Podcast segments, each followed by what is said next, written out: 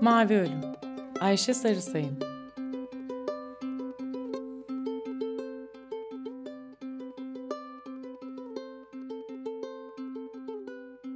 Ölümüm yeni bir şey olmadı. Vardı. Edip Cansever Bana bir şeyler oluyor son zamanlarda. Farkındayım. Kimselere açamıyorum derdimi. Nereden nasıl başlayacağımı bilemiyorum çünkü. Kime nasıl anlatabilirim ki ölümü çok yakınımda hissettiğimi? Anlatmaya kalksam ne diyeceklerini de biliyorum üstelik. Verdiğim kararın kolay olmadığını, değişen koşullara alışamadığım için bunaldığımı, hatta depresyon geçirdiğimi söyleyecekler. Bu durumu atlatmam için neler yapmam gerektiğini sıralayıp bir psikoloğa gitmemi önerecekler belki de. Oysa biliyorum, depresyonda falan değilim ben. Kesinlikle. Yaşadıklarım kolay değildi, kabul ediyorum. Ama bir anda vermedim ki ben bu kararı. Uzun, çok uzun bir süreçten geçtim. Titizlikle düşündüm üzerinde yıllarca. Doğru zamanı bulabilmek için sabırla bekledim. İnsan bunca uğraşıp hazırladığı bir sonucu yaşarken depresyona girer mi hiç? Ne saçma. Benim tek sorunum ölümümü izlemek, o kadar. Yapmam gereken her şeyi yapıyorum. İsteksizlik de yok içimde. Konuşuyorum, gülüyorum. Düzenli olarak işime gidiyorum. Çalışma sistemimde bir değişiklik yok. Sorumluluklarımın bilincindeyim her an. İşimde, evimde, arkadaş çevremde. Sorunlara çözüm bulmaya uğraşıyorum. Günlük yaşamı biraz olsun renklendirmek için çabalıyor. Çevremdekilerin kendilerini iyi hissetmeleri için elimden geleni yapıyorum. Bugüne kadar olduğu gibi. Kısacası değişen hiçbir şey yok görünürde. Herkes benim iyi olduğumu sanıyor. İyiyim de işin tuhafı. Sık sık ölümümü izlemek dışında hiçbir sorun yok görünürde. Yine de bir yerden başlamalıyım anlatmaya. Bugün yaptığım kısa vapur yolculuğundan örneğin. Birkaç saat önce Kadıköy'den Beşiktaş'a geçerken takılıp kaldığım karanlık sulardan. Bir türlü göremediğim beyaz köpüklerden. Belki de anlatmak rahatlatır beni. Her ne kadar anlatmaya değmeyeceğine inansam da kim bilir? Olabilir farkına varamadığım bir şeyler. Çocukluk yıllarımdan beri vapura her bindiğimde en arkada durup kollarımı parmaklıklara yaslayarak başım iki elimin arasında pervanenin dönüşüyle oluşan beyaz köpükleri izlemeyi çok severim. Dondurucu bir soğuk yoksa hele de yalnızsam vapurda yaz kış yaparım bunu. Mevsime ve havanın durumuna göre değişir denizin rengi.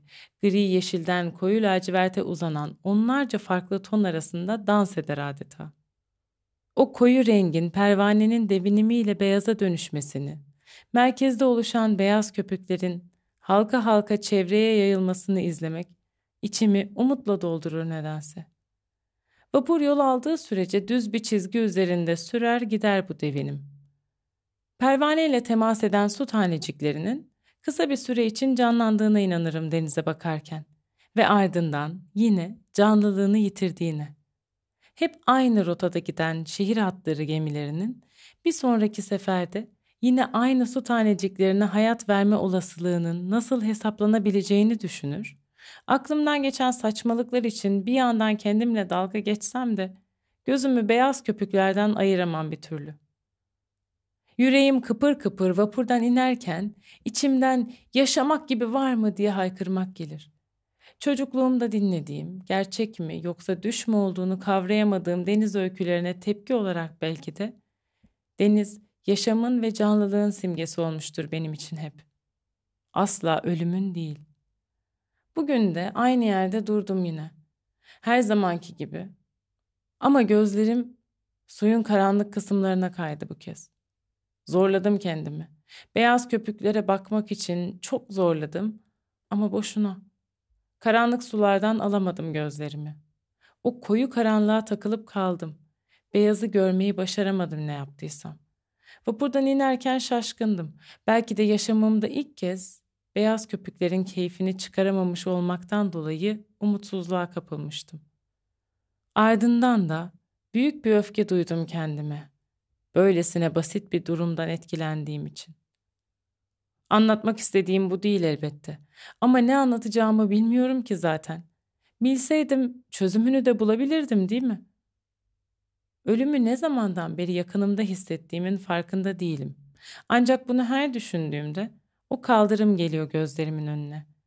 Kaldırımda biri yaşlı, biri genç iki kadın. Unuttuğumu sandığım, bir kenara ittiğim mavi, bulanık bir resim. Bellek nasıl da bu kadar iyi saklıyor her şeyi anlayamıyorum. Ve neden olmadık zamanlarda ortaya çıkıveriyor unuttuğumuz eski resimler? Kime ne yararı var ki geçmiş ait resimlerin? O resim neredeyse yüzlerce yıl geride kalmışken ölümün birkaç aydır yakınımda olmasının anlamı ne? Biliyorum yaşamımda bir değişiklik oldu. Hem de önemli bir değişiklik. Yatsıyamam. Bunca yıldan sonra yeniden yalnız yaşamaya başladım. Ama dedim ya, kendi seçimimdi bu. Ayrıca ne ilgisi olabilir ki ölümümle? Aslında durumum pek de kötü sayılmaz. Çünkü ara sıra da olsa güzel düşlerde görüyorum. Bir iki kadeh içtiğimde o eski resmi unutuveriyorum. Ölümüm hiç aklıma gelmiyor. Çevremdeki tüm insanları çok seviyor. Sevgimi onlara aktarabilmek için çabalıyorum. Aldığım tepkilere bakılacak olursa sanırım bunu başarıyorum da. Bakışlar daha sevecen, küçük dokunuşlar daha sıcak oluyor böyle anlarda. Söylenen her sözcük içerdiğinin ötesinde anlamlarla yükleniyor sanki. Uzağımda olan nice insanı çok yakınımda hissediyor, anları paylaşmanın tadını çıkarıyorum. Kadehimdeki rakının su renginin buz konduğunda süt beyaza dönüşmesini izlemek hala heyecanlandırıyor beni. Beyazın içinde gökkuşağının tüm renklerini de görebiliyorum üstelik. Bir sokak kedisinin tüylerindeki renkleri sayarak üç rengi yakalamaya çalışıyorum bazen. Sonra yanımdakilere dönüp anlatıyorum. Biliyor musunuz? Bir kedinin tüyleri üç renkse o kedi dişidir. Şaşırıyorlar. Çevrede kediler varsa renkleri saymaya başlıyorlar hemen. Gülüşüyoruz. İçki içtiğim gecelerin ardından derin uykulara dalıyor, rengarenk düşler görüyorum. Eskiden olduğu gibi. Beyaz bulutların süslediği masmavi gökyüzünde dolaşıyor, fırından yeni çıkmış sıcacık ekmeklerin kokusunu içime çekiyorum. Rahatlamış, dingin açıyorum gözlerimi yeni güne. Güzel düşleri yalnızca içki içtiğimde görebildiğimin farkına vardım bir süre önce. Önemsiz bir ayrıntı mı bu? Yoksa üstünde durmalı mıyım? Karar veremedim bir türlü. Güneşi her gördüğümde kendimi sokağa atıyor, uzun yürüyüşler yapıyorum. Güneşli havaların ancak sağlıklı insanlarda evden dışarı çıkma isteği uyandıracağını düşünüp seviniyorum. Depresyonda değilim, işte kanıtı diyorum kendi kendime. Ne kadar hızlı yürürsem sıkıntılarımı o denli çabuk arkamda bırakacakmışım gibi bir duyguyla giderek hızlanıyor adımlarım.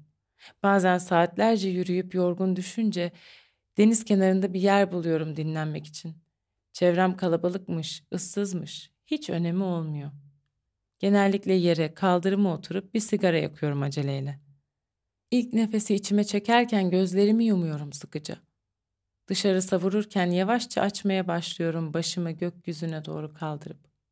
Güneş bir an için gözlerimi kamaştırıyor. Ardından alışmaya başlıyorum parlak aydınlığa. O anlarda birini beklediğimi hissediyorum.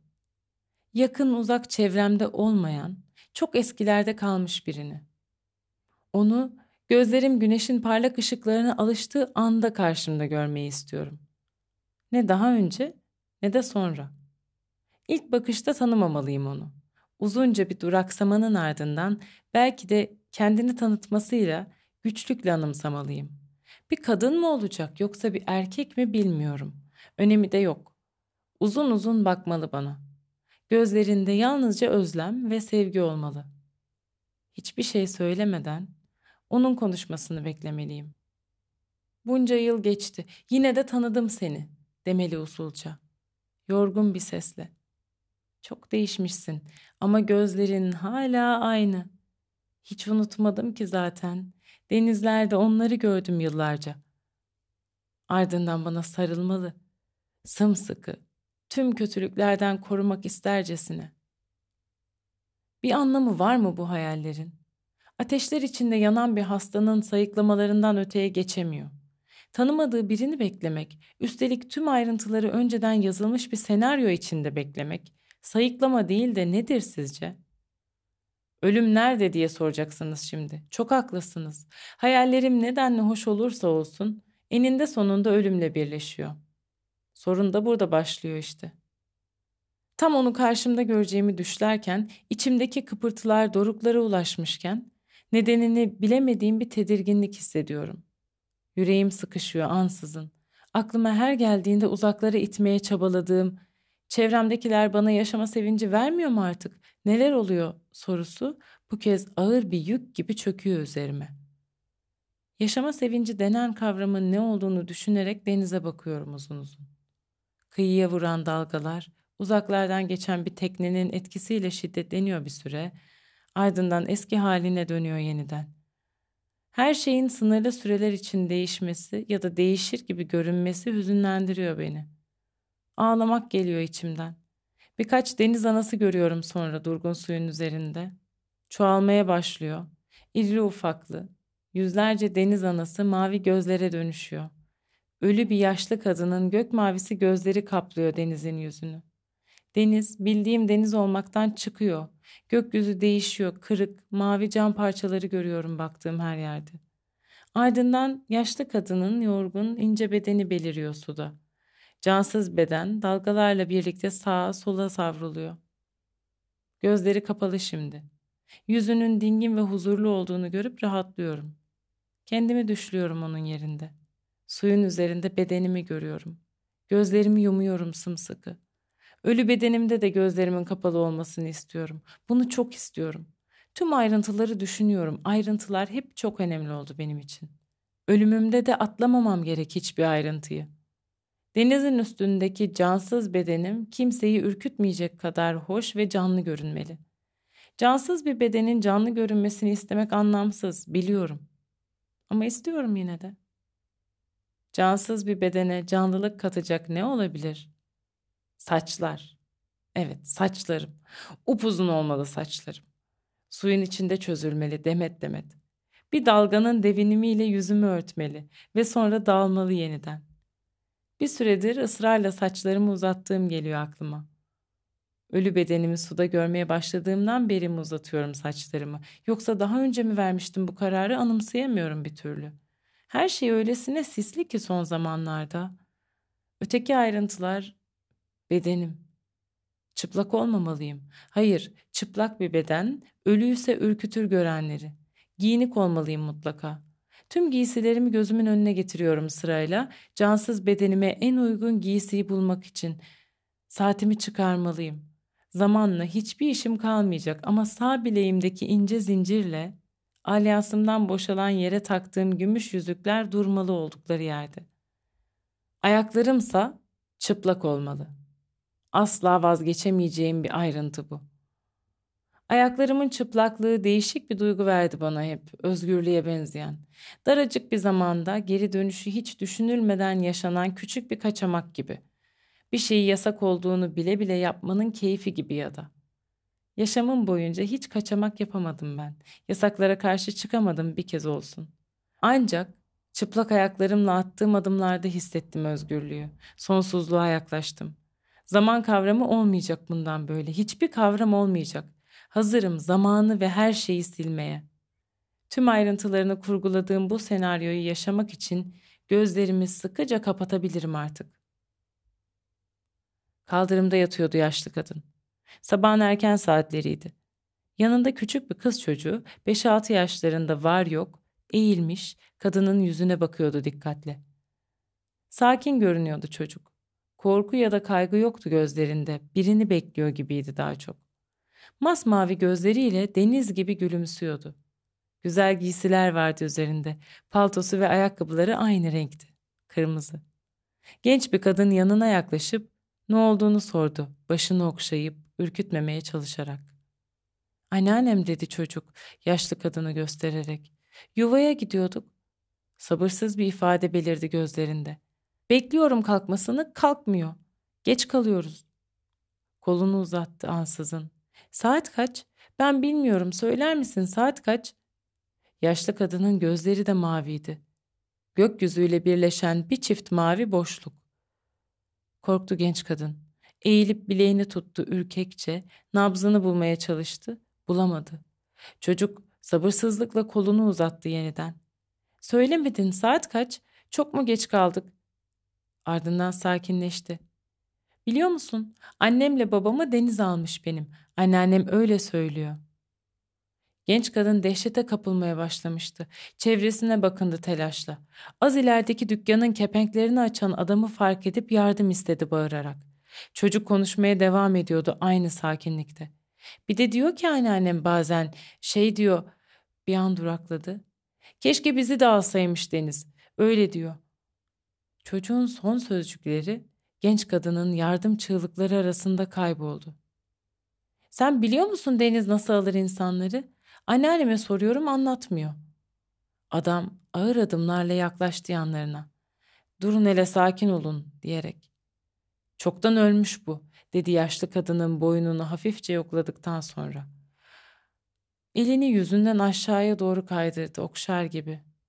Bir gözü kapandı kadının. Öbürü durgun, mavi gökyüzüydü hala. Aynı hareketi yineledi adam. Gökyüzü yoktu artık. Geriye kalan hiçbir şey yoktu. Küçük kızın mavi ve sabırsız gülümseyişinden başka. Mayıs 2002